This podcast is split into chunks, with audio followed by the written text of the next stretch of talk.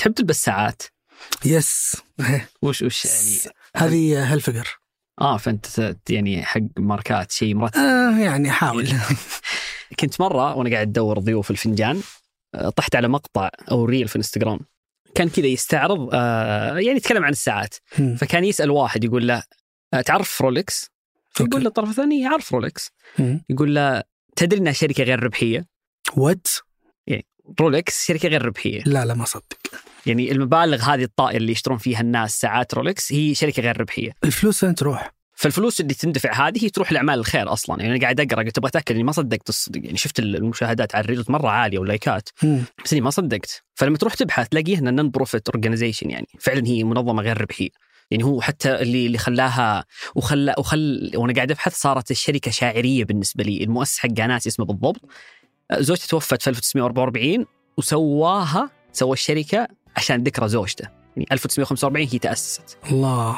فيعني قصة غير إنها شركة غير ربحية قصتها جميل. شاعرية يعني. جميلة والله جدا.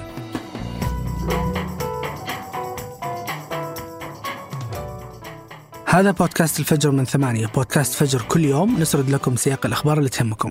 معكم أنا أحمد تاج الدين. وأنا إيمن الحمادي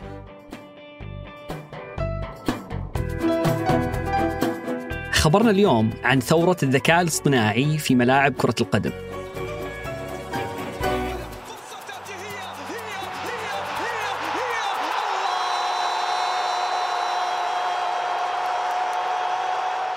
البارحة كان يوم تاريخي للسعوديين والكثير من العرب.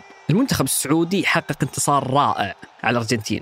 فهو أول فوز للسعودية في مباراة افتتاحية لها في كأس العالم وأول فوز عربي في مونديال قطر. وأول خسارة وهذا الشيء المحوري للأرجنتين بعد 36 مباراة حققوا فيها نتائج تاريخية. لكن فوز المنتخب السعودي ما كان لوحده الشيء الاستثنائي. المباراة زي باقي مباريات المونديال صار فيها تغيرات مرة كثيرة في عالم كرة القدم. أهمها هو التوسع في استخدام الذكاء الاصطناعي اللي فاد في تحسين أداء الحكام وتقليل أخطائهم. زي ما شفنا أمس في مباراة السعودية اللي سجلت فيها الأرجنتين ثلاث أهداف كلها ألغيت بسبب التسلل.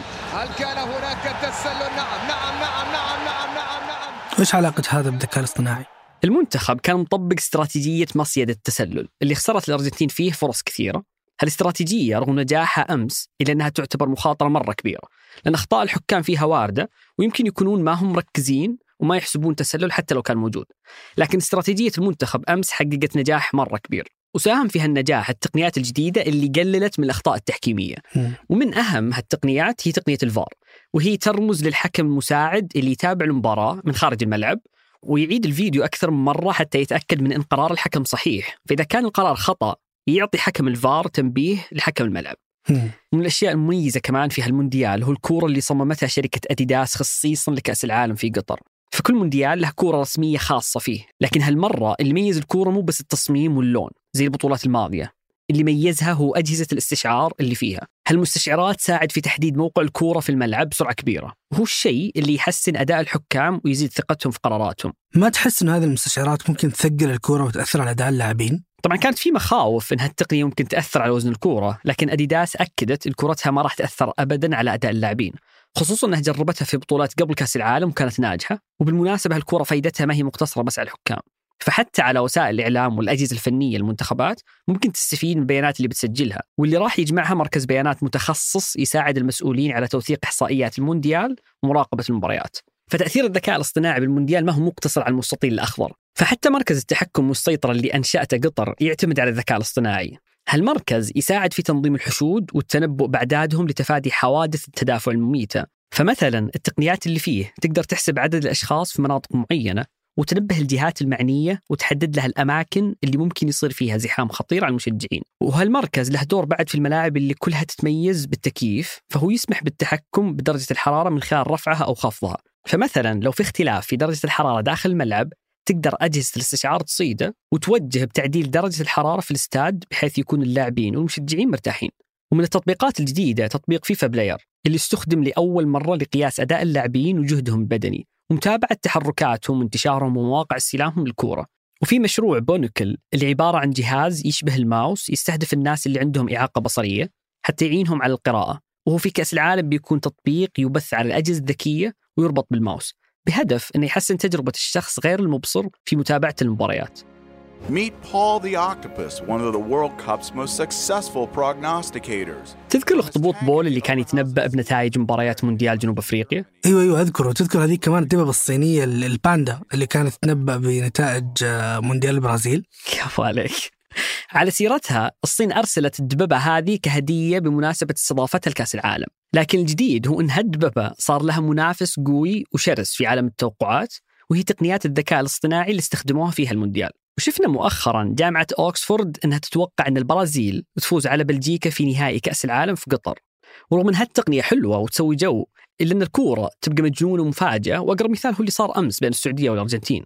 أذكر قبل يومين كنت أبحث عن توقيت المباراة فطلعت لي احتمالات فوز السعودية وأذكر إنها كانت ما تتجاوز ال 5% ومع ذلك قدر المنتخب يحقق فوز هو الرابع في تاريخه في بطولات كأس العالم.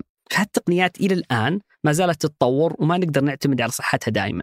طبعا في من يشوف إن التقنيات الجديدة هذه خلت كرة القدم بطيئة وافقدت عفويتها، يعني حتى اللاعبين لما يسجلون هدف صاروا يترددون. هو هدف مو بهدف، نفرح ما نفرح، وحتى الوقت بدل الضايع صار أطول من اللي تعودنا عليه زمان، وهو الشيء اللي يزيد الضغط على المنتخبات الأضعف، ويخدم المنتخبات الكبيرة والهجومية اللي عند لاعبينها لياقه أكبر. وقبل ننهي الحلقة هذه أخبار على السريع. في الخبر الأول أعلن نادي مانشستر يونايتد أمس أن كريستيانو رونالدو بيغادر النادي بعد اتفاق متبادل بين الطرفين. وهذا الشيء صار قبل يومين بس من مباراته في المونديال. وفي الخبر الثاني قالت منظمة التعاون الاقتصادي والتنمية أنه من المتوقع أنه يتفادى الاقتصاد العالمي الركود السنة الجاية.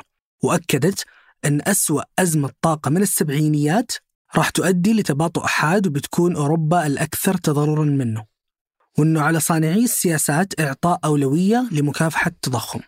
وفي الخبر الثالث أعلنت وكالة الفضاء الأوروبية خلال مؤتمر انعقد بباريس عن خططها لإقامة منشأة شمسية في الفضاء.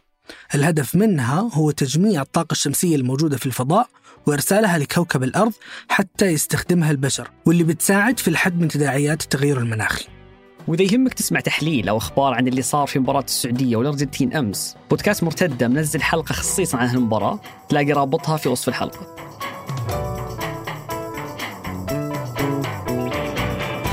أنتج هذه الحلقة عبد العزيز الحبيل وتركي القحطاني وأشرفت عليها سحر سليمان وقدمتها أنا أيمن الحمادي. وأنا أحمد تاج الدين.